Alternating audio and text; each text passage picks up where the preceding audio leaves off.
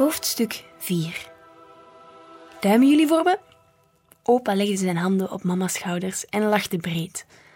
Alles aan mijn opa is breed. Zijn baard, een oerwoud van haar waarin een spin wel een week kan verdwalen. Zijn handen, twee grote schoppen die met een paar bewegingen een zandkasteel kunnen bouwen. En zijn buik, de beste plek om te liggen als hij een verhaaltje verzint. Mijn papa leek op opa, maar ik lijk niet op papa. Ik ben klein en dun, met lichte blonde haren, als een soort elfenjongen. We duimen voor je, Suzanne, zei hij, maar eigenlijk is dat nergens voor nodig. Let maar eens op, binnen een week word je benoemd tot meesterbakker. Je overdrijft nog wel, maar dank je wel. Tot vanavond. Mama haastte zich de deur uit, haar doos met koekjes stevig tegen zich aangeklemd, en kruiste daarbij een man en een vrouw. Ze kwamen de winkel in met die blik in hun ogen waarmee alle mensen opa's winkel binnenstappen. Een tikje voorzichtig, een tikje argwanend en heel erg nieuwsgierig. Wat is dit? vroeg de vrouw. Ze nam een teddybeer met een verbonden pootbeet en bestudeerde hem met een rimpel om haar neus. Dat is een teddybeer met een verbonden poot, mevrouw, zei opa, alsof de vrouw blind was. Maar waarom verkoopt u hem dan? Hij is stuk. Opa nam de teddybeer van haar over, legde hem in de kom van zijn arm en aaide zijn snoet. Lieve dame, bromde hij. Als die man van u een gebroken been heeft, gooit hij hem toch ook niet weg? Nou, uh, ja, natuurlijk niet. De vrouw keek verward naar haar man, alsof ze even wou checken of hij nog heel was, en kreeg een blosbare wangen. Ik vroeg me af waarom. Misschien kwam het door zijn kale kop. Zou ze dat onderdeel willen vervangen? Door een exemplaar met haar? De man lette niet op hun woordenwissel en hield een puzzeldoos in het licht van het raam. Er stond een groepje honden op, van die witte met zwarte vlekjes. Kijk eens hier, Lisa, zei hij opgetogen. Dit is echt iets voor Lune. Ze is dol op beesten, toch? Een prima keuze, zei opa. Hij zette de beer terug op het rek en slofte naar de kassa. Er is maar één stukje tekort. Zal ik hem inpakken? Even viel een ongemakkelijke stilte.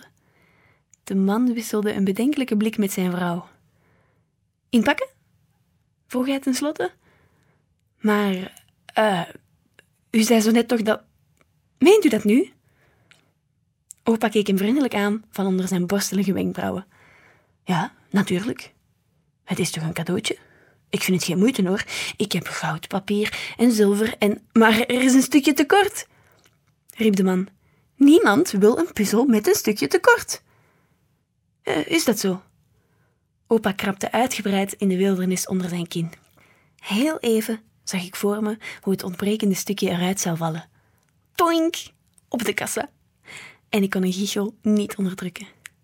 De ogen van de vrouw flitsten kwaad mijn kant op, maar opa ging onverstoorbaar verder. Ik vind het net spannend.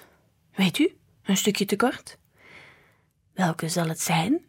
Een hoekje, een kantje, een oog, een poot. Bij die kerel is er een hoek af, fluisterde de man. Hij legde de puzzel weg en begon achterwaarts de winkel uit te schuifelen. Ik was opgelucht, want nu kon ik opa eindelijk vragen naar de sneeuwbol. Maar net toen ik hem wilde grijpen, schoot de vrouw langs me heen. Wacht even, schat, riep ze opgewonden. Deze moet ik gewoon hebben. Kijk toch, hoe heerlijk ouderwets. Ze greep naar de bol, maar opa was ervoor. Hij sprong tussen haar en de sneeuwbal in en griste hem weg. Het ging zo snel dat ik maar net op tijd opzij kon springen. Ik haalde opgelucht adem. Honderd kilo opa had mijn tenen vermorzeld tot op het bot. Deze is niet te koop, bromde hij. Onzin, zei de vrouw. Het is het enige goede stuk in die hele winkel van u. Hoeveel? Opa zweeg, schudde zijn hoofd en propte de sneeuwbol in de zak van zijn wollen jas. De vrouw kneep haar ogen tot spleetjes en roffelde met haar lange nagels op de toonbank. Noem gewoon uw prijs, probeerde ze nog eens.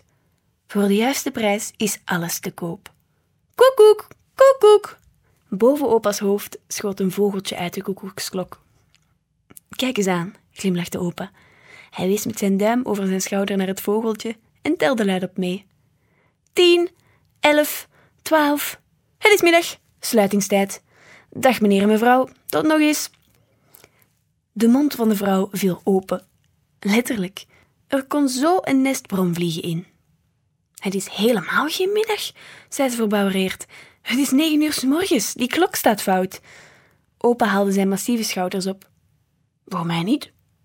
Tot ziens dan maar. De vrouw beet op haar lip, draaide zich om en beende weg.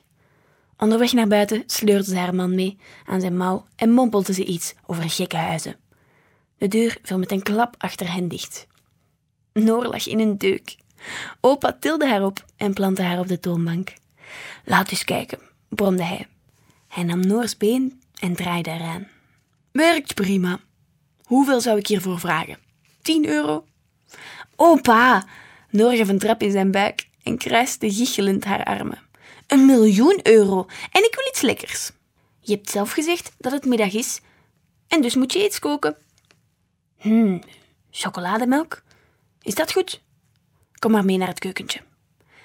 Opa trok zijn warme wollen jas uit en gooide hem op de zetel. Jules, lust je ook wat? Hè? Uh, ja hoor, zei ik. Ik probeerde zo gewoon mogelijk te klinken en niet naar opa's jas te kijken. Doen jullie maar. Ondertussen hou ik de winkel wel in de gaten. En uh, misschien kunnen jullie ook wat kerstversiering zoeken. Die boom heeft nog niks. Ik wees naar de kerstboom in de hoek. Opa keek blij verrast.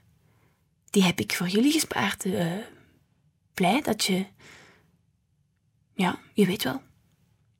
Hij schonk me een brede glimlach. Ik lachte terug, alsof ik niets liever wilde dan kerstbomen versieren.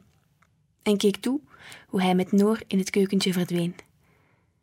Ik ben erg goed in grote mensen om de tuin te leiden. Als er een wedstrijd bestond, dan werd ik wereldkampioen. Ik wachtte heel even tot ik potten en pannen hoorde glitteren en haalde toen snel de sneeuwbol uit opa's zak. Ik bracht hem tot vlak voor mijn neus en bekeek hem langs alle kanten. Wat is je geheim? fluisterde ik. Er gebeurde niks. Ik draaide hem, zag twee ringen aan de onderkant, draaide hem nog eens om en de vloeistof in de bol kreeg een andere kleur. Het huisje verdween en de sneeuwbol veranderde in een vloeiende wereldbol waar runetekens, cijfers en cirkelvormige windhozen doorheen suisden. Ik wierp nog een snelle blik op de deur naar de keuken en draaide voorzichtig aan de ringen. De cijfers versprongen, de windhozen draaiden en de kleuren wervelden door elkaar heen. Dit was geweldig. Ik vroeg me af of. Ik haalde diep adem, twijfelde nog heel even en begon toen te schudden.